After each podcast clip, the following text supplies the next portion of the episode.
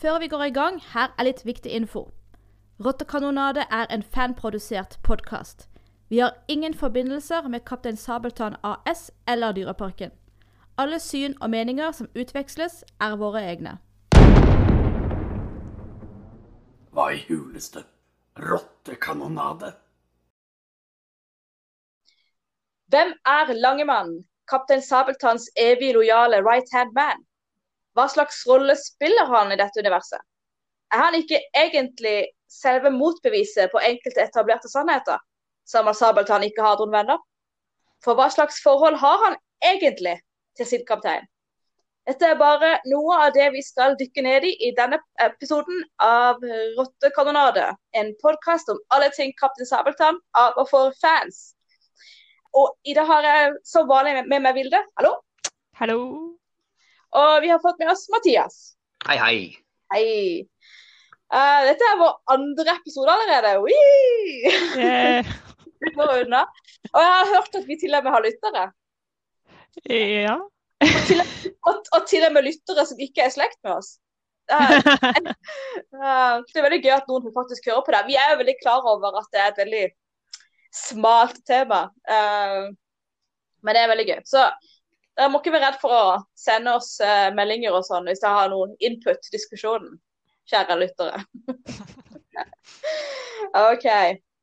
Uh, I dag er altså temaet Langemannen. En mye omtalt mann som, som Ikke nødvendigvis gjør så veldig mye ut av seg sånn Nei, jevnt over. kanskje ikke vet så mye om når alt kommer til alt. Ja. Mm. Um, men eh, Mathias, du har jo cosplaya Langemann. Du har vel sikkert gjort deg noen tanker om hvem Langemann er? Vel, nei, jeg har, altså, jeg har forsøkt, men nå er jeg dessverre ikke eh, noen eh, utdannet eh, skuespiller. Ei heller noen god forfatter eller rolletolker i noen som helst grad. Jeg har, jeg har prøvd å tenke meg om hvordan, hvordan Langemann eh, oppfører seg, og hvordan han agerer og er i, i forhold til kapteinen. Eh, men han slår meg som en veldig en, en litt, altså, hvis jeg kan bruke cosplay som uh, middel til uh, å på en måte bedrive litt uh, teatralsk aktivitet, så er Langemann noe litt vanskeligere å egentlig på en måte ta fatt i enn det f.eks. Kaptein Sabeltann er, som er en mye mer tydelig eh, rolle, som har mye mer sære karakteristikker. Så er Langemann litt mer han, som, som sagt, han er litt mer i bakgrunnen. Han er litt mer en sånn person som på en måte skal være normal, på en måte. Ja, det var vel Håvard Bakke som sa det i et podkastintervju. Ja. Han, Ja, han den, den, den mest normale i dette litt pussige universet, sa han. Ja. Det sant, det. Det hadde jeg glemt. ja, det er jo en- egentlig ganske riktig observasjon. Uh, men litt bakgrunn uh, om uh, Langemann, da. Han uh, kommer da forholdsvis seint til balletten. Han ble med fra 1994 i ja. eh, den andre forestillinga som heter uh, 'Hemmeligheten i Kjuttaviga'. Da, ja, da kan jeg godt eh, ta over med mine lange utbroderinger med år og ta, sånn. Uh, ja, det var, kom jo i 1994 for første gang, og det var jo den andre forestillingen. Så da hadde jo Sabeltann klart seg på et tokt uten han, faktisk, i forkant. Hva Langemann liksom gjorde da, det kan vi jo bare undres nå. Men, men uh, han kom da, og han var da spilt av uh, Audun Meling. Um, som var den eneste, så vidt jeg vet, i den rollen fra og med 94 til og med 2011 i alle sammenhenger, bortsett fra tegnefilmen i 2003, hvor han ble stemmegivet av eh, Jeg har notater. Uh, skal vi se. Uh, Dennis eh, eh, Storhøy. Dennis Storhøy, ja. Ja. uh, som da var den aller første, så vidt jeg vet, eh, som eh, eh, ja, i stemme da var Langemann. ja. Så Audun Meling spilte da både i kveldsforestillinger og på dagtid. Det var ingen andre langemenner på dagtid i Altså- de første 20 årene nesten. Eh, Det var eh, Så han er jo nesten helt sånn legendarisk sånn sett. Mm. ja. Eh, 17 år på kveldstid hvis jeg Hvis mine matteegenskaper holder. Jeg er veldig dårlig på hoderegning, men jeg Ja, er jeg- 17 år. Veldig mange år i hvert fall. Ja. Eh, en av de som har mest år eh, bak seg. Eh, og så i 2010 så spilte jo Håvard Bakke i Da de spilte inn TV-serien, så var det jo Håvard Bakke. Eh, og han eh, kom eh, først eh, på Første kveldsforestilling han spilte, var i 2012. Og da var han Langemann fram til eh, 2015. Nei. Eh, jo. Jo. Jo, for da tok han en to års pause. Fordi han ville spille 'Greven av Gran'. så var det. Så da, de to årene, da spilte Frode Winther, som årene før hadde spilt Magakan. Da spilte han en slags stand-in Langemann, da, kan man si. Eh, og så var Håvard Bakke på plass igjen i eh, jeg skal si 2018, ikke 2000-opplegget mitt. Eh, 2018 og 2019. Og han hadde da sitt aller siste år i 2019. Han eh, ga seg i fjor, og det annonserte han jo et intervju kort tid etter sesongen at eh, det var hans siste. Mm. Så i tillegg så har eh, Odd Magnus Williamson spilt han i eh, 'Skatten i La- Lamarama', den live action-filmen fra 2000, og- eh, 2013. Og i animasjonsfilmen som kom ut i fjor, så er det Tobias Santelmann som har stemmen på han. Mm.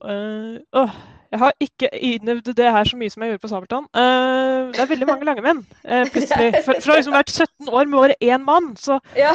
pang! Eh, så, så i år, da, da hadde vi to lange menn, fordi det har jo vært et sånn spesielt år. Og det var da Martin Karelius Østensen og Ole Martin Aune Nilsen. Og Martin Karelius Østensen er han vi antar kanskje var ment å være årets hovedlange mann. Hadde 2020 vært sånn som 2020 egentlig skulle være, basert på Mm. at han synger på albumet som kom ut litt i forkant. Ja. Eh, men det er ikke blitt bekreftet på noen måte. Men det er det vi tror. ja. Så ja. Ja, som sagt, eh, det er mye menn som har spilt uh, denne lange mannen. Da er ikke Eh, tatt med dagtidslange mennene. Som, Nei. eh, som er sånn hel haug. Men det gjør jo at, at han har jo, i likhet med det vi snakka om forrige gang, at, at Sabeltann har fått noen nye trekk eh, med hver nye skuespiller, så har jo også Langemann det. Eh, men for å sa det helt så grunnleggende hva vi vet om Langemann, da, eh, som vi lærer om dukker opp første gang i 1994, da kommer han jo snikende inn på scenen helt i starten av forestillinga og prøver liksom å egle seg litt inn på tante Bassa. Sånn, Hallo, litt... Mine damer. Ja. Hyggelig bord dere er dekket. Hvordan visste Ja. dere at jeg skulle komme i dag? Åh, Ja, ja, ja. Og så hør på hørespillet. Han har den der skikkelig Jeg klarer jo ikke å imitere det, jeg er ikke skuespiller, men det er en skikkelig sånn innsmigrende, skikkelig sånn ekkel ja, skikkelig creep. Ja. Ja. Og så, og Sunniva hun faller jo helt for det her. Han var jo sjarmerende. Mens Bassa hun er bare Nei, nei, nei. Han var ekkel og mystisk! Ja, han skal vi ikke ha noe med å gjøre. Uh, så, men han avslører der at han uh, kjenner Pinky. Eller at han også kjente faren til Pinky uh, veldig godt. Og det, det er jo et tema som stadig er med videre. Altså at han har en eller annen forbindelse til Morgan, Pinkys far.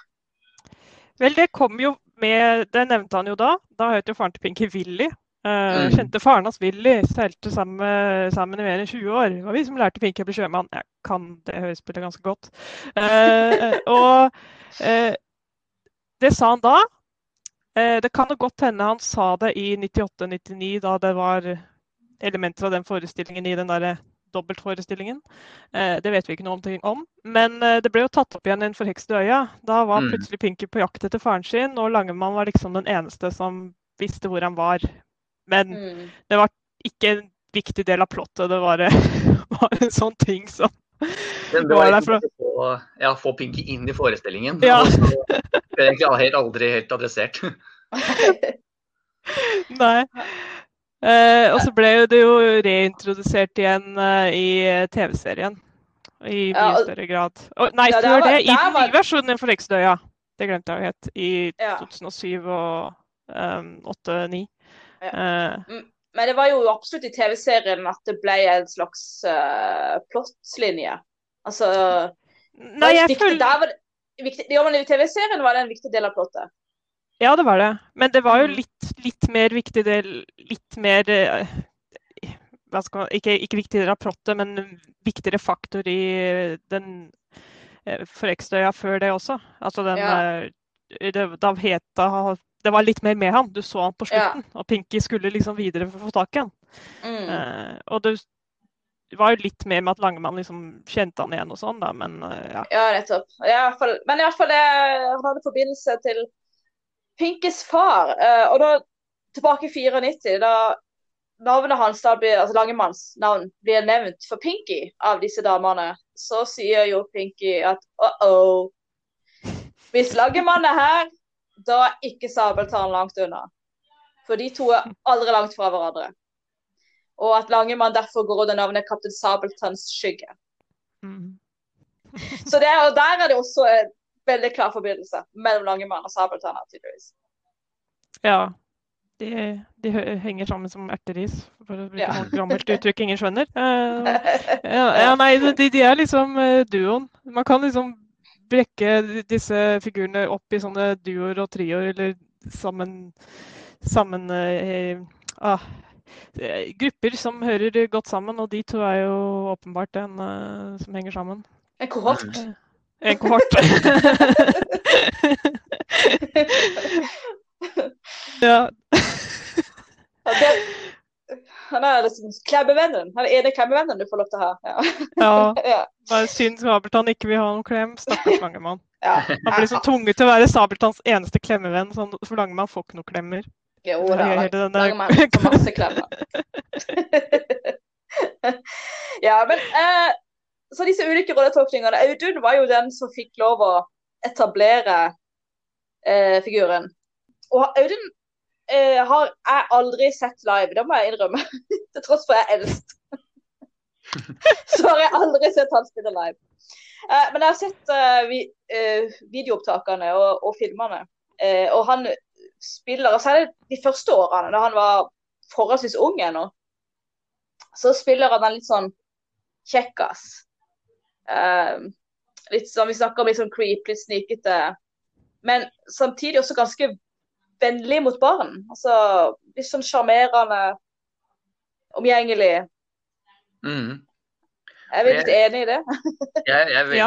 veldig enig i det, og det må egentlig bare skyte inn her. Det, var litt, det er litt ironisk det at i forrige podcast, så, eller episode, mener jeg, så når jeg skulle på en måte kalle det, klassifisere egentlig eh, de tre store sabeltennene etter litt sånn kjente sjørøverskikkelser vi kjenner til, så sa jeg jo at Terje Formoe Sabeltann kanskje minnet litt om John Silver.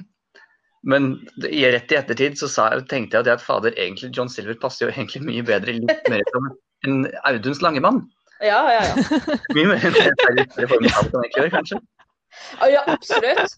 Uh, og det ser, det ser du jo også, også i, i den sine tegnefilmen fra 2003, uh, hvor, oh, ja.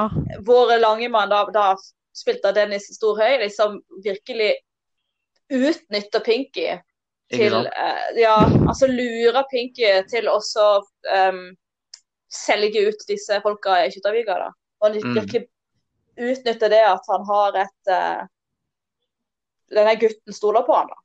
Mm. Det er ganske nesten sånn grusomt. at eh, Den filmen der er jo den, På én side så har den jo en veldig sånn Langemann som tydeligvis bryr seg noe om Pinky, og så gjør han det der. Og så Mm. får vi liksom aldri noe skværing på det senere i filmen.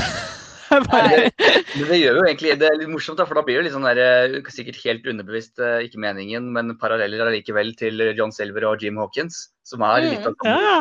Så det er Litt, litt, litt som at uh, de, de, den gamle gjengen fra 90-tallet har liksom uh, etter uh, Minner litt om det klassiske eldre sjørøverfiksjonen, liksom. mm. Litt sånn mm, det eldste å oppdrive. Ja, og det er der jeg ser jo at, at ikke Håvard, jeg mener Audun Slangemann er jo veldig den her gentlemanstype-tropen. Mm. Altså denne her eh, pen, pen i tøyet, sjarmerende, eh, virker liksom streit og til å stole på, og så lurer han deg trill rundt. Mm. Det er jo veldig få ganger de har spilt på det, men da tenker jeg umiddelbart på de to tegningene av Egil Nyhus. Ja. Han har tegnet to tegninger. Det er én hvor liksom Langemann skåler med en sånn rik mann, og så, så ser du at han liksom har hånden bak ryggen hans og stjeler noe fra lomma hans samtidig.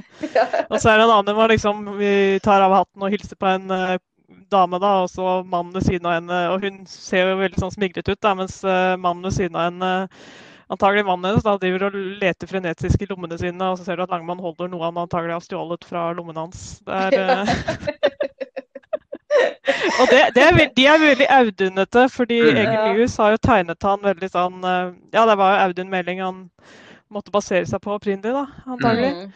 Så veldig sånn For det, så Senere kommer jo Håvard. Uh, og Håvard han sier jo sjøl at han, at han ville spille på det her med å være skyggen.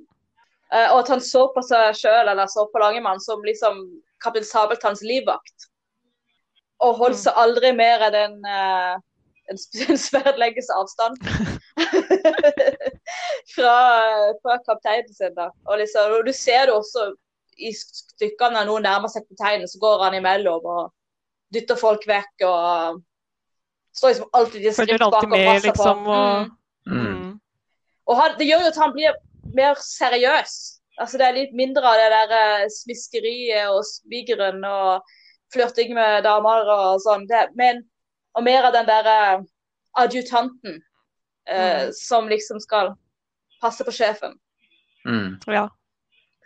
Det ble, det ble jo en helt uh, stemningsendring i det når, når Håvard tok over, særlig i, i TV-serien, og, og Rosa blir introdusert, som er et veldig kult eh, aspekt eh, til eh, Langemann, som blir noe annet enn bare en uh, sabeltannskygge. Men det blir også, da forsvinner litt den, den flørten som på en måte kan var liksom litt eh, eh, underforstått hos Audun, kanskje. Mm. Fordi jeg, jeg må innrømme at jeg, jeg, jeg ser veldig problemer med, å kunne- med å kunne se Audun i den karakteren hvor han på en måte skal være sånn Ja, ja, å, ja det, være med på date. Litt sånn forsiktig. ikke helt, liksom. Litt usikker. Jeg, jeg klarte å se Audun, for jeg hadde, sett for meg at Audun bare hadde vært mer eh, hadde vært mer eh, sikker. ja.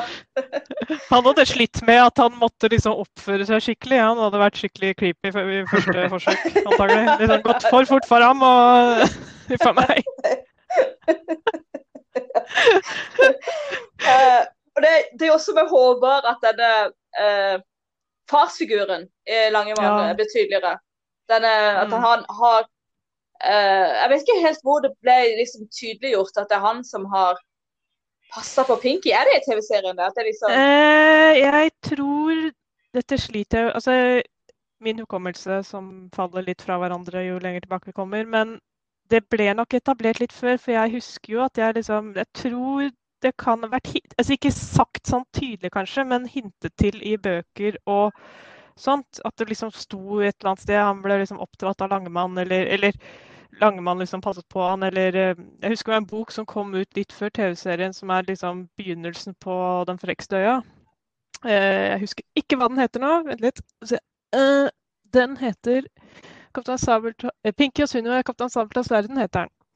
Ja, ja. Og da sier jo Pinky liksom at han har vokst opp i Abrahavn, og at han har uh, fisket med Langemann og litt sånn. Og så um, så jeg, jeg tror det på en måte Det lå litt i luften i forkant, da. Det var liksom ikke, sto ikke på svart på hvitt noen steder, men jeg husker i hvert fall at jeg hadde det veldig i tanken at Langemann hadde noe slags verge eller nesten uh, adoptivforhold til Pinky før TV-serien kom, basert på det som var av informasjon den gangen. Ja, og særlig, særlig fra yeah. tegnefilmen. eh, Ja, egentlig. Og så ville jeg jo også sett Det er lenge siden jeg har sett Forrekstøya så mm, skikkelig, skikkelig godt, men jeg minnes jo også det at eh, selv om det er jo bare bevegelser og eh, koreografi, så minnes jeg Mhm. også det at eh, når Langemann og Pinky blir omringet, så minnes jeg at, at Auduns Langemann går veldig i forsvar. Akkurat som skal beskytte Pinky med sverdet sitt, og så blir det jo, er det jo litt for mange, minnes jeg. ja. ja, ja nei, jeg husker Mm. jo sånn, jeg òg, at han liksom står foran eh, Pinky Mm. med sverdet. Ja. Mm. Så, eh, men det er i hvert fall i TV-seriene vi, at vi er veldig tydelig ser at, at Pinky bor i Langemanns hus, og, og at Langemann har på en måte vært farsfiguren hans. Han er jo i pappa i, i TV-serien, Og du får en veldig Ja, følelse av at han, at han, at han bryr seg om Pinky. Eh, Mm. Det husker jeg syns var veldig spesielt med TV-serien. For alt i forkant så var jo det var det jo litt enklere i bøker og i forestillingene at de var mer enklere. Men her så kom det så Mm. tydelig fram at liksom Langemann satt litt i en sånn skvis mellom å måtte følge kapteins ordre samtidig som han skal passe på Pinky og passe på at Pinky ikke kludrer det til for seg selv. Så når han liksom ber Pinky om å opprettholde husarresten sin, så skjønner du at det er ikke bare fordi han skal illustrere et poeng, er også litt sånn oppriktig redd for at uh, Sabeltann kanskje skal uh, bli hissig igjen. Uh, så ja, det mm. Ja, jeg syns jo jeg synes spesielt det er gøy liksom, når, han, når Pinky står der og så gnåler på kapteinen om at de må la stakkars Valdemar gå, fordi det er ikke noen beviser mot Valdemar. Og liksom og Lagermann bare gir ham penger og går ikke på det. Liksom. Jeg Det var faktisk det første, første klippet jeg så av TV-serien.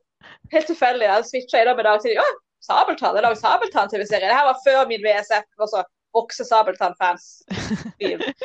Og da, da så jeg den der hvor han liksom gir av de pengene og bare tenkte ah, ja, det er sånn helgepappa. sånn han skal liksom være far og får det ikke helt Jo, til. jo, ja, men, jo, liksom- men det er litt den følelsen. fordi han, eh, han sier jo i en av de seneste episodene sier han jo til Pinky jeg har sikkert ikke vært så mye til stede som jeg burde. og liksom og så, det er veldig altså, sånn. det understreker du liksom, men det, du må liksom vite at jeg vet, vil alltid det beste for deg, eller sånn, noe sånt. da. Uh, så det, er, Mm. det er en sånn følelse av at han bryr seg om Pinky, men han har liksom ikke egentlig all den tiden han skulle hatt, og han er bevisst det, men det er veldig og jeg, jeg syns jo det er kjempegøy med den TV-serien, og det gjorde jo den figuren så mye mer interessant når han plutselig fikk alle disse sidene som var så ja, sånn som Håvard Bakke hadde beskrevet ham, som alminnelig. da. Altså, han er en ganske Mm. alminnelig mann. Han vil liksom ha seg kjæreste, og han har en unge han må passe på. Og så er han samtidig liksom eh, nestkommanderende for verdens verste sjørøver, som er en veldig til dels eksentrisk type. Så det er litt sånn, ja ja. Han er liksom ikke like lenger sånn Johnny Bravo, sånn som eh, Audun kan ha vært, kanskje. Nei. Han, han har jo uten tvil Abrahams minst, minst takknemlige jobb. Altså det, altså det er, han jobber knallhardt for kapteinen sin. Eh, det er jo ikke noe tvil om. Eh, og prøver å få kustus på dette umulige mannskapet, og klarer det på et eller annet vis. Eh, og så får han jo aldri, aldri noe igjen for det. Det er liksom det er aldri noe Vel, han har eh, fri adgang til Borgen, da. Det, det, det Ja. påpekes jo stadig. sant. Det er sant. Men for å fortsette med Langemennene. Mm. Fordi at eh, dette her eh, Odda, eller Odd William, eh, Odd William Nei, Odd Magnus Williamson. Mhm. Han, eh, hans Langemann si, Farsfiguren har blitt mer en sånn kul onkel. Fordi han, han eh, utviser en litt mer skal vi si, uansvarlig oppførsel og Ja, ja nei, det, det, det er den følelsen jeg også får. At han er liksom eh, Ja. eh, nye kjæresten til mamma eller et eller annet sånn, At han er eh, som er litt, litt yngre. Eh, litt, litt, litt ung, kanskje. Altså litt sånn uh, Ja. han, Det husker jeg når jeg så castingen til filmen, så hadde jeg på følelsen at han kom til å bli sånn. Når jeg så at Odd Magnus Williamson og han som spilte Pinky var 14 år eller noe sånt. Jeg bare følte på meg det her kommer ikke til å mm. få helt den samme følelsen. Uh, så Nei, ikke, det, er ikke, det er ikke den samme dynamikken mellom Pinky og Langemann i denne. Det er ikke det. Men de prøver, uh, men ja, prøver tydeligvis å ha litt av det der, for det er jo litt den samme far-sønn-snakk nesten, eh, i tendenser innimellom. Selv om det ikke helt eh, Ja, treffer. og disse kløneriene med Rosa er jo også med videre. Og de er jo da Men på vil jeg si, steroider i forhold til TV-serien, for der kan jo Langemann snakke med en jente uten å bli flau. Det er, det er helt forferdelig. Og, altså, jeg, jeg er ikke noe fan av uh, Odda Langemann. Nei, dessverre. Det er litt, eh, litt karakterbrudd der. Ja, nei, jeg, den filmen der, den er frustrerende eh, med sånn de har gjort han. Han er jo Altså Det er jo så, det er så lett, liksom, alt han liksom kunne gjort der. Ja, nei, uff. Og så altså, er det ganske tydelig hva feilen har vært. Feilen har vært er at, at Benjamin og Pelle og Pysa og til stor del også skalken, har blitt skjøvet i bakgrunnen og er veldig lite med i De gjør gjør ingenting, egentlig. Og de, de, de, og de pleier å være the comic relief. Mm. Og når de ikke kan være the comic relief, så putter de Langemann inn til å være the comic relief. Ja. Noe som skurrer helt med den karakteren vi har blitt vant til. Da. For vi har jo vant, vant til en veldig kompetent mann Spesielt, som, eh, som har spesielt den der scenen. Altså, det er jo den der hvor han prøver å liksom snakke tysk. Eh, den er jo helt Oh håpløs. Oh Eh, og så er det den scenen Ja. hvor han og Rosa og Pinky er fanget, eller er inne i det gjesteværelset. Og liksom Ja. han setter seg ned sånn opp, oppgitt og liksom sier sånn eh, at liksom alt vi har er en fruktkniv. Eh, Ja. Liksom, ja, den, den, den den virkelige ordentlige Langemann Langemann. hadde, tatt den fruktkniven og bare gjort et eller annet MacGyver-aktig og kommet seg ut. ja. Den virkelige Langemann hadde gjort det. Men denne Langemann han sitter igjen og skal liksom spå Rosa i hendene, og liksom, mens Pinky liksom ut og save the day. Nei, jeg er sånn åh. Nei. Jeg, vet, jeg elsker Sabeltann i den filmen. Alt det andre er sånn med... Ja, og så for så vidt han eh, Kong Rufus. kongen. Er det gøy. Han er morsom. Ja, det var gøy. Eh, Ja, nei, så, og så var han til og med liksom blond i håret. De hadde liksom gitt han, Ja. altså, han- Og så klærne også, han så ikke noe stilig ut. Han så så Nei, var så ja, shabby, ja. slitt og fillete på en Ja. måte. Med skjegg, Ja, liksom. At de ikke fikk, at de ikke fikk han til å ta det skjegget. Det var vel en, det var en sånn litt kul eh, sånn liten ting bundet opp eh, rundt halsen. Eh, så litt sånn halvaktig skjerf, eh, følte jeg. Det Ja, ja. jeg gjerne likt å se igjen, men utenom Han- det så er jeg enig. Ja, det er fordi at uh, han har et svært tatovering på brystet. Ja. Men uansett, uh, filmen er jo det siste vi ser av, av, eh, av den her faderlige eh, Langemann. Fordi jeg syns til og med at Håvard spilte det ned litt de siste årene. Jeg, jeg føler jo at det ikke er noe som de fokuserer på i det hele tatt i forestillingene. Så den eneste antydningen vi får av det, har liksom vært hvis Håvard selv har liksom mellom linjene villet utvise det. Mm. Eller jeg har kanskje Mm. jeg har kanskje følt at det er der fordi det er Håvard. og Jeg kjenner igjen liksom uttrykkene og måten han snakker på fra TV-serien, så da blir det liksom mer i det enn det det egentlig er, kanskje, når jeg ser det. Men det er jo ikke noe. Jeg husker jo i fjorårets uh, 'Grusomme Gabriels skatt' eh, 2018-2019, så hadde de lagt inn en ny uh, en, en ny replikk til Pinky som fikk meg veldig sånn på kanten Å, nå har de kanskje lagt inn noe her. Fordi det er jo når eh, Langemann og de andre sjørøverne da har sagt til Pinky at de ikke skal eh, eh, stjele skatten i Kjuttaøyka fra gode, snille mennesker som trenger det. Og Pinky da sier dette til Ruben og de andre i, i vertshuset, da, at Sabeltann ikke skal angripe. Og så Ruben er litt skeptisk, og Pinky da liksom sier at kaptein Sabeltann aldri løyet for meg. Og så sa han vel noe sånt som at og, og det var Langemann som sa det, eller noe sånt. Og jeg vokste opp hos han. Mm. og da var jeg sånn Nå kommer de sikkert til å ha en sånn liten scene mot slutten av forestillingen hvor de to skværer litt opp eller et eller annet. Nei da. De hadde bare lagt inn den der replikken der. Jeg, det, ah. Ja. det eneste du har på slutten der, er vel at liksom Håvard har liksom tatt Pinky på, klappet Pinky litt på skulderen når han går på Den sorte dame, og det er liksom farvelet. Ja, men vet du, jeg har en teori på hvorfor det er sånn. Mm. Og det, det har jeg snakka om før i en av YouTube-videoene våre. Og det er at Langemann har blitt et problem. Uh, han er blitt et problem for den historien som det virker som om Terje Formoe ønsker å fortelle. Så han ønsker å fortelle en historie om en foreldreløs gutt som ikke har noen i livet, uh, og en, en eh, eksentrisk, uh, egen, kaldhjerta sjørøverkaptein som kanskje har et svakt punkt for denne lille gutten. Og Langemann blir på en måte et problem for begge to der. Fordi at uh, Pinky er jo ikke alene. Pinky har Langemann. Han har til absolutt en farsfigur. ikke sant? Og hvis Sabeltann i det hele tatt har utvist noe Vist noen mykere side for noen i dette her, uh, universet her, så er det jo Langemann. Mm. Så det, han blir på en måte den sånn person som står i veien begge veier, hvis du skjønner hva jeg mener. Mm. Mm. Altså, De får ikke denne ønska relasjonen mellom Pinky og Sabeltann når Langemann er i veien. Og det Derfor Men- virker det på meg som de prøver å spille ned den relasjonen mellom eh, Pinky og Langemann. Jeg føler jo forhold at man... det det var før. Ja. Nei, jeg føler jo at uh, Altså, de kunne jo få den altså pushet i den relasjonen hvis de liksom gjør Langemann til en mer sånn mislykket far. Og det er vel det de antagelig prøver, da.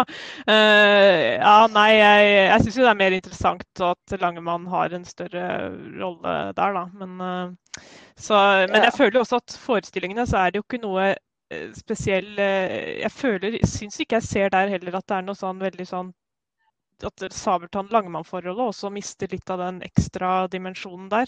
Alt blir så mye mer sånn papp. Eh, og liksom, det du eksternt, altså det, eller det eksteriøre, det du ser bare, liksom. Um, eh, Mm. det er det sånn som igjen TV-serien. Vi leser veldig mye fra TV-serien, og i forestillingene så blir det mye mer blir det simplere. Um, yeah. Så i den grad man kan lese Det det, er- der òg, så Altså, vi, vi, vi, kan jo lese det vi vil i det, da. Det sånn.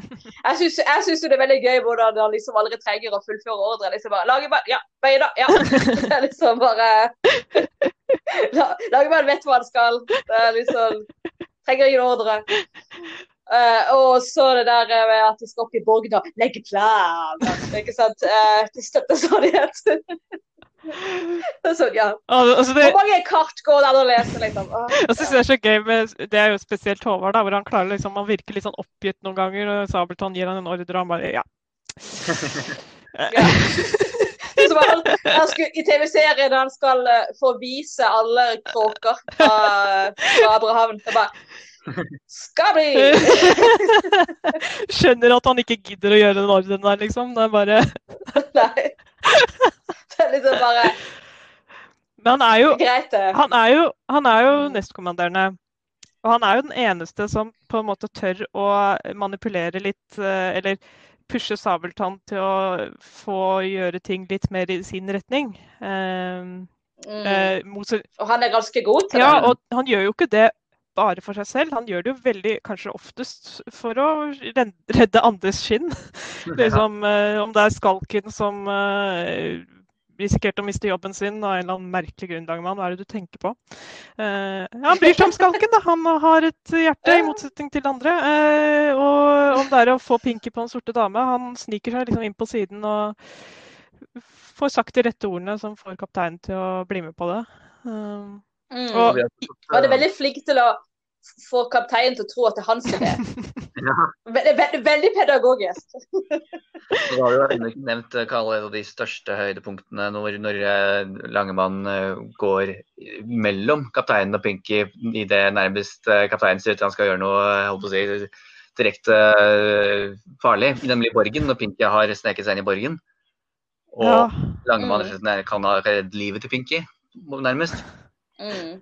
For han står jo for, med pistolen bare for å minne folk på det øyeblikket, da, at han, han øh, sikter, altså tar pistolen og sikter på Piggy og sier at det er den, bare den verste straffen for de som går inn i i Kaptein Sabeltanns skattkammer uten lov. og det er liksom, Du tenker jo en gang som å, å, dødsstraff. For det her var liksom sånn Dette for unger. Jeg husker lillebroren min på fem år. Han var liksom bare Å, nei!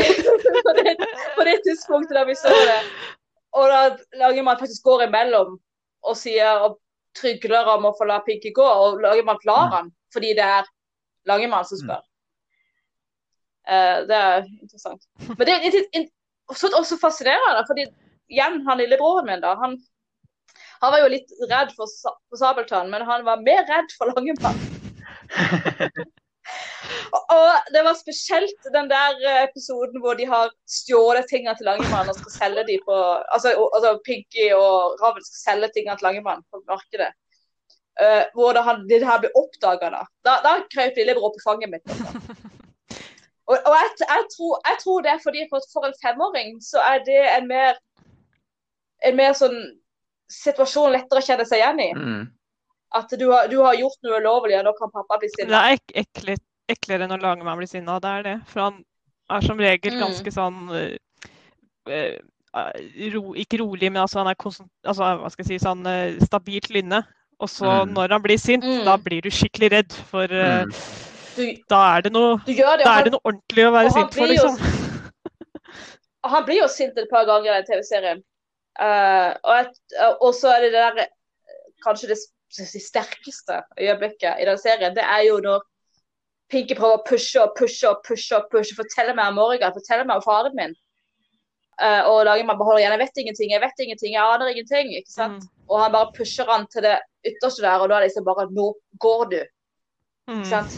Opp på rommet ditt, eller hva det er. Du er bare det blikket er liksom bare Dette her grensa krysser du bare ikke. Mm. Det, er, det er så kjempeintenst. Jeg syns Håvard er superb Mm. I den scenen. Mm. For det er sånn, det blikket han gir av deg, det er sånn du, du er liksom, Jeg blir i hvert fall helt desperat etter å høre den bakgrunnshistorien. For det, du, du skjønner at her er det en historie, ikke sant? Og så får du ikke aldri vite det. Hva, hva var det som skjedde? Og nå er det bare spilt det helt vekk. Nå får vi aldri vite det. det er sånn. Å, ikke gå på det sporet igjen. Åh, nå ble jeg lei meg. Uh, men hva er det jeg skulle si her? Jo, angående det med at vi snakker om han veldig mye som en farsfigur her. Det er litt sånn interessant. Er sånn, først er det en sånn snikete ladies man som øh, er ekkel og ufyselig, og så er han plutselig blitt en sånn pappa.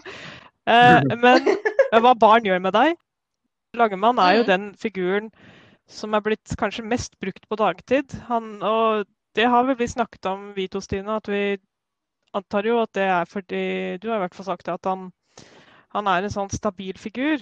Mens mange av de andre sjørøverne er Mm. litt sånn ville og finner på mye sånne rare ting og sånn. Eh, Og i Dyreparken så har de ofte mange sånne sjørøvere som ikke du ikke vil se i filmene eller forestillingene. Sånne Dyreparken-eksklusive. Me- Menige. Ja. Menige sjørøvere. Og de er jo ofte litt sånn barnslige og tullete og sånn, da. Så har de Langemann da, som liksom holder orden i dem, og som bøyer seg på huk og prater med småbarna. Og barna er trygge på han, de vet liksom hvor de har han. Og han er liksom en sånn rolig og stabil figur. Så, og barn vil, altså, de er ikke så redde for han. De kan gjerne gi han en klem, liksom. Uh... Jeg, så, jeg må bare si at jeg så en sånn liten kid i Dyreparken i fjor sommer. Det var en sånn bitt og jente, hun var kanskje tre år, og så hadde hun sabeltan, sa, full sabeltannutstyr. Og så får hun øye på Lagermann eh, på andre sida av den der eh, og bare 'Langemann!' Og så løper hun mot han med armene ut. Jeg bare bare på knekken meg først, så får meg lille sabeltann som bare blir så happy for å se. Og han bare jeg kan ikke huske hvem av de det var, men det var en av disse langemennene. Han bare satte seg ned og bare bredde ut armene og bare tok imot. Det var, det var, det var bare helt fantastisk. Hun var ikke mye redd, i hvert fall. Nei, men det er det inntrykket jeg får, da. At han er en sånn eh, trygg og nesten litt sånn koselig skikkelse for barna, da. Eh, Og det var inntrykket det er sikkert derfor Ja, altså alt jeg har hatt det egentlig helt siden Auduns eh, tid. Det er derfor jeg, jeg, jeg, jeg, er vanskelig for meg å se helt denne ekkelheten som eh, som Audun på en måte har litt med, med kall det med kanskje at og Sunniva i den ene scenen. er på en måte nesten helt borte nesten alle andre steder. For jeg synes han bare er sånn, han er bare så god og bare så koselig. Sånn alle, alle som spiller der, var sånn, ja, Ja, han var veldig flink Ja. Det kan hende det var litt med årene, da, at han, figuren ble spilt litt sånn mildere og mildere etter hvert. Så eh, han Mm. var nok veldig sånn ja, eh, ikke så sleip mot slutten, tenker jeg, uh, som han pleide å være. Eh, Nei, men så er det jo som du sier, at dagtid Langemann han fyller jo en annen rolle mm, enn en han gjør i, i forestillinger og filmer. Han skal jo være denne trygge figuren, da, som, som uh, veier opp for alle de der tullballene som de hadde holdt på med. Uh, og, og min mor, da, som er eh, Hei, mamma, jeg håper jeg hører på.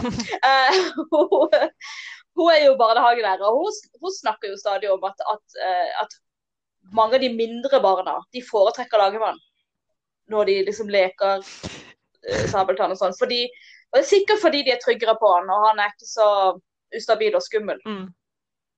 Ja, Det ble litt overraskende å høre, husker jeg, når du sa det til meg. For jeg trodde liksom at det var sånn at barnehagen Mm. som var en vill kamp.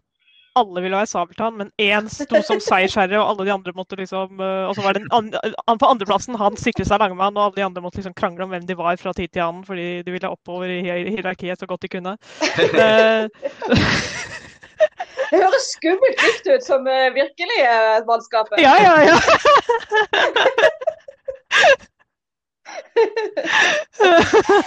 Eh, ja. Mm. Eh, Men uh, disse to eh, em, tre nyeste, hvis vi tar med Ole Martin òg. altså Frode og Martin av Ole Martin. Martin, Martin. Ja. Ja, altså, Frode spilte han jo de to årene hvor Håvard gikk tilbake til å spille Greven. Mm. Og, han, og da spiller han jo for det meste parten eh, Langemann under Grevens forhekselse. Så han spiller en med litt annen Langemann enn det vi er vant til. da. Uh, Men han, han fikk heller Så ikke noen sanger, så han var liksom veldig Nei. tydelig sånn uh... han fikk en veldig sånn Han ble veldig Han liksom la seg på den adjutantlinja. mm. Den der med at jeg, jeg står her og holder ting. Og eh, det lille altså til Martin det er liksom, Jeg har jo ikke sett Martin spille med kapteinen ennå, så, det, så det, det gleder jeg meg til å se hvis, han, hvis det er han som skal være der. Jeg må uh, få se, se den dynamikken. Men, men det virker som de ligger på denne adjutantlinja, de nyere nå. Altså Han virker litt, litt nedjustert. Men det er som du kanskje du sier, kanskje han egentlig alltid har vært sånn i forestillinga. Det er bare jeg som er bortskjemt pga. TV-serien. Eh, ja, nei, jeg føler vi snakker mye om TV-serien. Vi gjorde det i forrige episode også, og det sier jo litt om eh, hvor mye den TV-serien egentlig har levert for oss voksne. eh, I motsetning til mye av det andre. Eh, fordi når vi liksom skal diskutere litt sånn psykologiske ting, så er det liksom den som er det store, svære verket, og alt det andre blir sånn underordnet. Men eh, eh, Mm. ja, nei, jeg føler jo at Syns jeg også at han Martin var er mer sånn eh, eh, en veldig sånn strøken, eh, og ordentlig ryddig langemann. eh, Og jeg beskrev han jo som estetisk fin. Eh, altså, jo, det har vi ikke snakket om, men Langemann han beskrives Vi skjønner jo liksom at han skal være en sånn stilig fyr. At det Mm. ligger litt i kortene at Mm. han ser Han har et utseende som liksom skal være fint, da. Eh, Det er jo bare kjekk at det passer Langemann.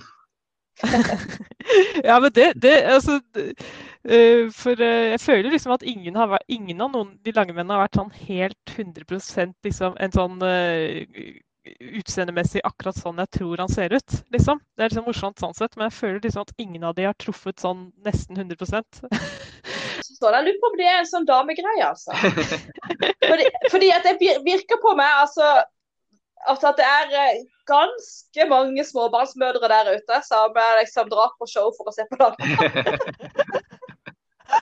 At han har, han har virkelig draget på disse her eh, disse spåballspøderne som står der og fnyser. Og, og det har jeg hørt han, de har vært helt siden Auduns tid. Så det, det er noe med den karakteren der som, som gjør som liksom appellerer til Og det tror jeg, jeg, tror det er Audun Eh, fortjeneste, faktisk. Jeg tror han jeg har satt en presedens der egentlig for å være litt sjarmør. Det syns jeg er litt kult. Ja. Eh, og det er jo det vi skal ta opp i miniepisoden eh, neste uke. Det er jo nettopp Er, er han egentlig en flørt eller en rundbrenner, eller bare noe vi innbiller oss? ja. Men uh, la oss snakke litt om relasjonen med kapteinen. Fordi jeg syns jo kanskje at der Langemann er mest interessant. Det er i den der litt kompliserte relasjonen til kapteinen. Mm.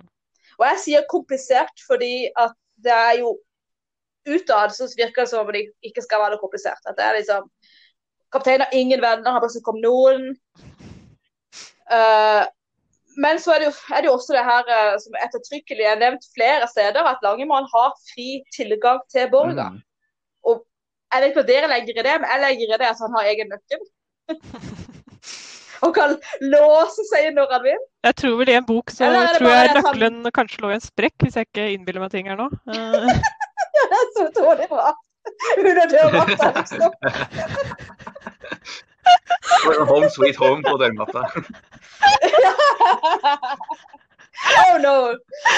Oh, stor, ja. Nei, ikke sant. Det kan også bety at det er, han, at det er bare sånn at han har ikke nøkkel, men da han banker på, så åpner kapteinen. Det kan det jo bety. Men, men eh, det er uansett interessant, mm. fordi det motbeviser det går liksom imot det der andre om at han ikke stoler på Mm. noen. Hvis han gir noen fri tilgang til skattkammeret sitt, da må han jo stole på dem. Han, si- han sier jo også at han ikke er redd for noe, ikke sant? Man er redd for noe. Ja, det er sant. Ja, men er det, er det, er det kaptein Sabeltann som sier at han ikke stoler på noen? Det er han som sier Jeg har det. hørt han si det. Han jo, jeg husker, det. De hadde en gag på det i Havets hemmelighet eh, 2011-12, hvor han liksom sa sånn, han ga mannskapet en ordre, og så sa han liksom sånn eh, så sa de noe sånn som 'Stol på oss, cap'n!' Og så sa han «Eh, 'Kaptein Sabeltann stoler ikke på noen'. Nei, nei, nei. nei, nei.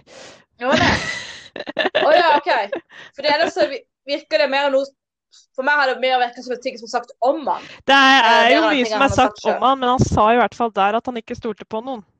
eh, Som en del av Ja. en gag. Så når noe er en vits, Ja. så tar jeg det litt med en klype salt, men men, men, det, men det gjør han jo. Han stoler jo stoler på Langemann. Hvilket er litt absurd. fordi Langemann uh, synger jo i, i sangen sin at han lurer alle. så så han, han er en sånn liten snik som lurer alle. Og Sabeltann har valgt han av alle å stole Mm. på. Altså uh, Det er jo en sånn der du liksom sitter, Som voksen sitter du her og håper på den plottsvisten. Ikke sant? At det- har en sånn langsiktig plan om å bare ta over hele imperiet. Og liksom bare spilt kapteinen rundt inni fingrene sine, og så en vakker dag når han aner fred og ingen fare, så bare Husj, alt ditt er nå mitt. Uh, det skjer selvfølgelig ikke, for det er for Dette er for unger, så det kommer ikke skje. Men jeg synes, liksom, de, de har lagt veldig opp til det. Uff a meg. Jo, jo, men det føles sånn som Ja. du sa, Mathias, at han blir sånn der ultimat uh, John ja, eh, John Silver. Ja. Det, det legger Mm. jo inn et lite aspekt som Langemann har, som er helt ugjennomtrengelig, som John Silver overhodet ikke hadde.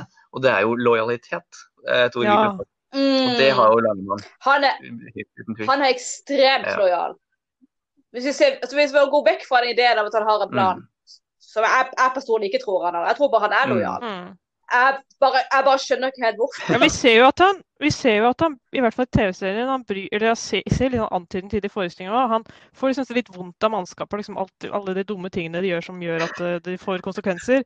At, at han blir sånn skjønner at han har empati, han bryr seg om mennesker. og Det virker som han har som interesse at Mm. mannskapet skal ha det eh, greit, og at han ikke vil at de skal gjøre det verre for seg selv.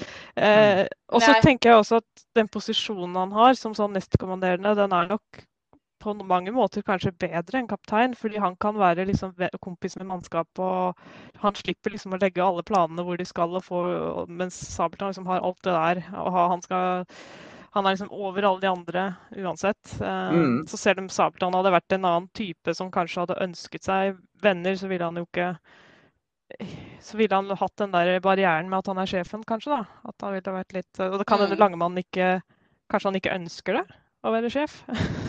Vi- Han trives veldig godt der han er. Ja, fordi det gjør at det, det er jo eh, direkte meningen alltid, men det er jo, da utfyller han jo den rollen som han antageligvis ville hatt eh, hadde det vært eh, ordentlig historisk tiltenkt, nemlig som kvartermester, som vi har snakket litt om utenom podkast. Eh, tror jeg. At, at, han, at han tenker på mannskapets beste som antageligvis kvartermester, som han antageligvis er, selv om det ordet jeg aldri tror jeg har brukt noen gang i Sabeltann-universet. Nei. De sier bare Nestkommanderende, ikke sant? Ja, som i, Mm. i virkelige verden ville vært en kvartermester i piratverden, tror jeg. Ja, så I vanlige variene så var jeg kvartermester en eh, lavere stående offiser, men akkurat blant piratene så var han nestkommanderende. Ja. Uh, ble kalt kvartermester fordi det er han som har ansvar for uh, mannskapet. Det er det som ligger i Mm. Ordet. Okay, ja. Mm. uh, og, og det er liksom han, som jeg har skjønt det, da, altså er kvartermester mannskapets representant som, som uh, forhandler med kapteinen, og, og som da faktisk har makt i ytterste konsekvens å avsette kapteinen. Mm. Eller overstyre ordrene. Mm. Det, det, ser- det ser vi jo allerede nå. her. Men han er men ekstremt lojal, Langemann. Ja, absolutt. Ekstremt lojal. Uh, og det er fascinerende. Fordi jeg, jeg, som sagt, som jeg nevnte, så jeg skjønner ikke hvorfor. Jeg skjønner ikke hva det er med kapteinen som vekker lojalitet. Ja, men kan, kan hende rett og slett er det at han, han mener at han er redd for at han liksom ikke klarer å holde dette imperiet i kontroll hvis han skulle stige i, ta over. ja, eller ja, at det, liksom, det er lukrativt. Ja, ja. Det er liksom Jeg, får, jeg har en grei inntekt, eh, og jeg slipper å gjøre all den drittjobben sjøl, så det er liksom Jeg holder på de godene jeg har. Sånn Jo, også, også faktisk så er det litt kanskje noe med Nå kan det være at vi overtolker det litt, kanskje, men også er det jo litt med det at til tross for at Langemann er en veldig sånn ja, jeg lurer alle, jeg er en kjekkas og veldig kul, så gjør han likevel ikke så mye ut av seg, sånn som Kaptein Sabeltann gjør. For Sabeltann gjør jo, at, altså, Karrieren hans er å gjøre mye ut av seg. Han har et ærefullt det, det kommer jo til det der med at Langemann lurer alle. Den derre at han liksom eh, Det nevnes i sanger sånn at han har liksom er, vært i forkledning. mm. At det liksom er en sånn trait han egentlig liksom skal ha. At han liksom kler seg ut og later som han er en annen. Og at dette er en sånn ting han kan. Mm. Som vi av en eller annen merkelig grunn nesten aldri har sett eh, egentlig. Bortsett fra den aller første forestillingen hvor han ikke var kledd ut engang. Hvor han liksom prøvde å lure Bassa og Sunniva. Og så i Damarama. Så har vi jo Med da med et ekstremt dårlig resultat. For utenom det så tror jeg eneste sted vi Jeg tror jeg kom meg på to steder hvor jeg har sett med mine øyne at han er illustrert utkledd. Det, var den der, det som 'Skatten i Lamarama' er basert på. For den er basert på en tegneserie fra 94 som heter 'Kaptein Sabeltann og sultanens skatt', tror jeg. Eh, og der er Langemann utkledd som en engelskmann. Det ble lagd et hørespill noen år etterpå av den historien. Da ble han beskrevet som en engelsk lord. Um, eh, og, så, og så er det sånn Nå går vi langt ut i periferien her, men altså det er, eh, det er sånn julehefte. Tegneserie som kom ut for noen år siden. Er det, var, var den Juleøya, eller Jeg husker ikke. Det sånn, jeg har ikke lest den engang. Jeg klarer ikke. Uff. Eh, men det var sånn vikinger og noe greier. Eh, Sabeltann og noe vikingøy og sånn og jul. Eh, eh, og der var visst Langemann kledd ut som en litt sånn simplere fyr som dro på en pub eller noe sånt og lyttet på noen samtaler. Eh, hvis ikke så nevnes Ja. det jo bare i et par sanger at han liksom har vært i Eller hintes til i én sang, og så er det en annen sang hvor han er forkledd som en bortkjøpsnodd. Ja. men det er jo så vittig, for Benjamin, Pyse og Skalken har vært undercover. I utkledning har vært undercover. Det er bare Langemann, han som angivelig kan det best, han brukes aldri til det. Så ja. Men jeg han kan jo hente det som kaptein her, bare skryter på så masse i sangene. Som jeg vet ikke. Egentlig gjorde han det ganske dårlig, men eh, det trenger Den ene gangen vi ja, i Lamarama var det jo ekstremt dårlig. Men Lange- Altså, nå er det jo sikkert fordi han, han fikk nerver fordi Rosa var det. Men det er jo det som skjer. Men allikevel, altså. Men, men Langemann er jo en historieforteller også. Han har jo litt sånn han liker å fortelle. Det bruker jo ofte mannskapet i dagtidsforestillingene. Den, den går igjen hele tiden. Hvor de, liksom, de prøver å slunte unna arbeid, og så skal de liksom få han til å fortelle om seg selv eller fortelle om det takt og sånn. Og Langemann han liker jo Han, han smører nok sikkert litt tjukt på disse tingene. Han har den derre 'Å, for et liv', hvor han red på en glefsende hai. Eh, Ja. Vi antar han egentlig ikke gjorde det, men han, han er en historieforteller som liker å lage, lage liv rundt det han har opplevd. Mm. Jeg liker å skrøde det til. Og det som Apropos historiefortellere, det brukes jo også en, en del som sånn der eh, eh, Jeg husker ikke det er fancy uttrykket for det, men altså en, den, det, i en fortelling så det er en som skal liksom gi leseren eller publikum den bakgrunnsinformasjonen som er nødvendig. Exposition. Ja, Mr. Ja. Exposition. Exposition. Det, det er hva de kaller det. Ja, Ja, eksposisjon. eksposisjon. Mm. Tilbake til dette med at kapteinen ser ut også til å stole på den lojale mannen, så er det også veldig implisert her og der. Også hvordan de antageligvis legger planer eh, sammen. At det er, det er ikke alltid, eller kanskje, kanskje ikke så ofte, eh, eller det spørs litt, at kapteinen selv Det er jo selvfølgelig veldig sånn Langemann spør ja, hvor seiler vi? Ja, vi seiler dit og dit dit. Og så, ja, cap'n. Men av og til så ser man jo gjerne særlig de litt illustrerte bildene av og til, i identitetsbladene og hintet litt til i, i tegnefilmen fra 2003. Og sånne ting at de, de Mm. plotter eh, sammen. Ja. Ja, det, det er jo veldig veldig stilig aspekt eh, også, med det forholdet. Det gjør de jo gjør de også i TV-serien. Ja, det er sant. Det er liksom ja. eh, ja, planlegger et tokt der, og lager meg har noen ting han påpeker. Og, og så sier jo kapteinen stadig vekk i, i forestillinger at nå skal vi opp i borgen og legge ja, ikke sant. Mm. Eh, så, så det er klart at han, uh, han tar nok en litt aktiv rolle der, ja. Han gjør nok Mm. det. Eh, men hvordan vil du karakterisere det forholdet, da? Hvis du skal gi det et navn? Vil, ville du ment at han var hans nærmeste arbeidspartner? Jeg har vel tenkt på det som så, på at Sabeltann har bestemt seg for å ikke ha noen venner, så han jobber veldig hardt for å ikke eh, utvikle for nære følelser. Men han er jo et menneske, så det glir litt sånn han, utover hans kontroll innimellom. Det blir litt sånn fanfiction din. Uh, men, men, jeg, men, jeg tenker nå at Langemann uh, registrerer, i motsetning til fanfiction din, så registrerer Langemann dette. Og han Jeg tror Langemann tenker at hvis det ikke hadde vært for at Sabeltann hadde satt opp en vegg, så ville jeg ha vært hans venn. Men uh, det tillater mm. ikke Sabeltann, så derfor så er de mer sånn som veldig tette arbeidskolleger. De har jobbet sammen lenge og de kjenner hverandre godt. Og hvis den ene hadde tillatt seg det, så ville de vært venner, men eh, det er det ikke. Jeg tror Lagermann tenker på seg sjøl som Sabeltanns venn. Mm. Han synger det i den engelske versjonen av sangen sin. Ja, sant det. Mm. ja. Uh, hvor det også synger at kapteinen 'looks at me with such pleasure'. Jeg får bare for meg den der giffen som noen har laget av TV-serien, hvor uh, kapteinen sitter og liksom hever øyenbrynene med et lite sånn der, uh, smil, liksom. Mm. mm, ja. det er så bra. Broren min, altså den voksne broren min, han, han han hørte den sangen de spilte en gang så tilfeldig. Det, det er sånn å spilt den, selvfølgelig. Og han bare stoppa Lydia kom og bare Nei, nei, de sang ikke akkurat det. Jeg bare Jo, nei, nei, nei. He looks at me with such pleasure. Yeah. Nei, men altså, der synger han He knows that I will be his best friend, eller et eller annet sånt. Mm. I'll always be his best friend. Mm, true and faithful until the end, som er litt kult også med tanke på det med lojalitet. Uh, ja. Men det, men det synger han også i norsk, altså. Jeg, jeg kjemper til siste. Jeg skal være din siste mann. ikke ja. sant? Når alle andre faller fra, så skal jeg fremdeles være her mm. for kaptein. Mm. Uh, det, altså, jeg tror at Lagemann ser på kapteinen som en venn. Jeg tror ikke, men jeg tror også, som, han, som du sier, Vil, at han skjønner at det vil han aldri få i, i retur, på et vis. Mm. I hvert fall ikke åpent. Mm.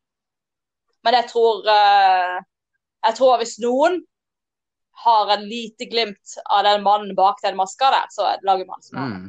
Og det, det vil jo, Derfor vil jeg også skyte ut egentlig at uh, på tross av det du sa, at han kanskje er det problemet uh, for kapteinen og for Pinky som for deres på en måte karakterer som de har bygget opp, så er vel likevel fortsatt vil jeg tørre å si Langemann en av de best skrevne karakterene også i Terje Formos univers. For han er så eh, allsidig og har veldig mange aspekter som på en måte alltid utforskes. For det jeg vil si at det, kapteinen mm. er på en måte det er litt mer enklere å ha en ekstrem karakter.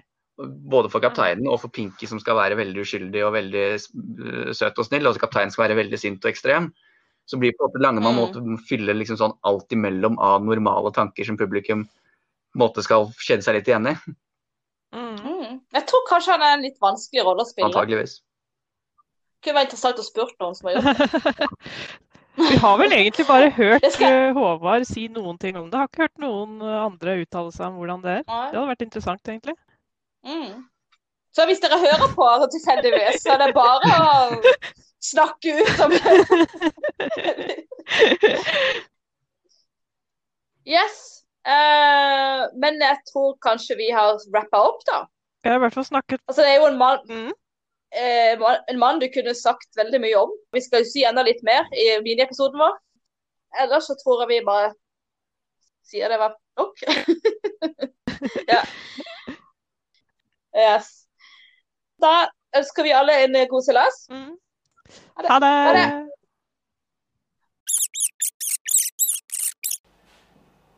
Pelle! Pelle!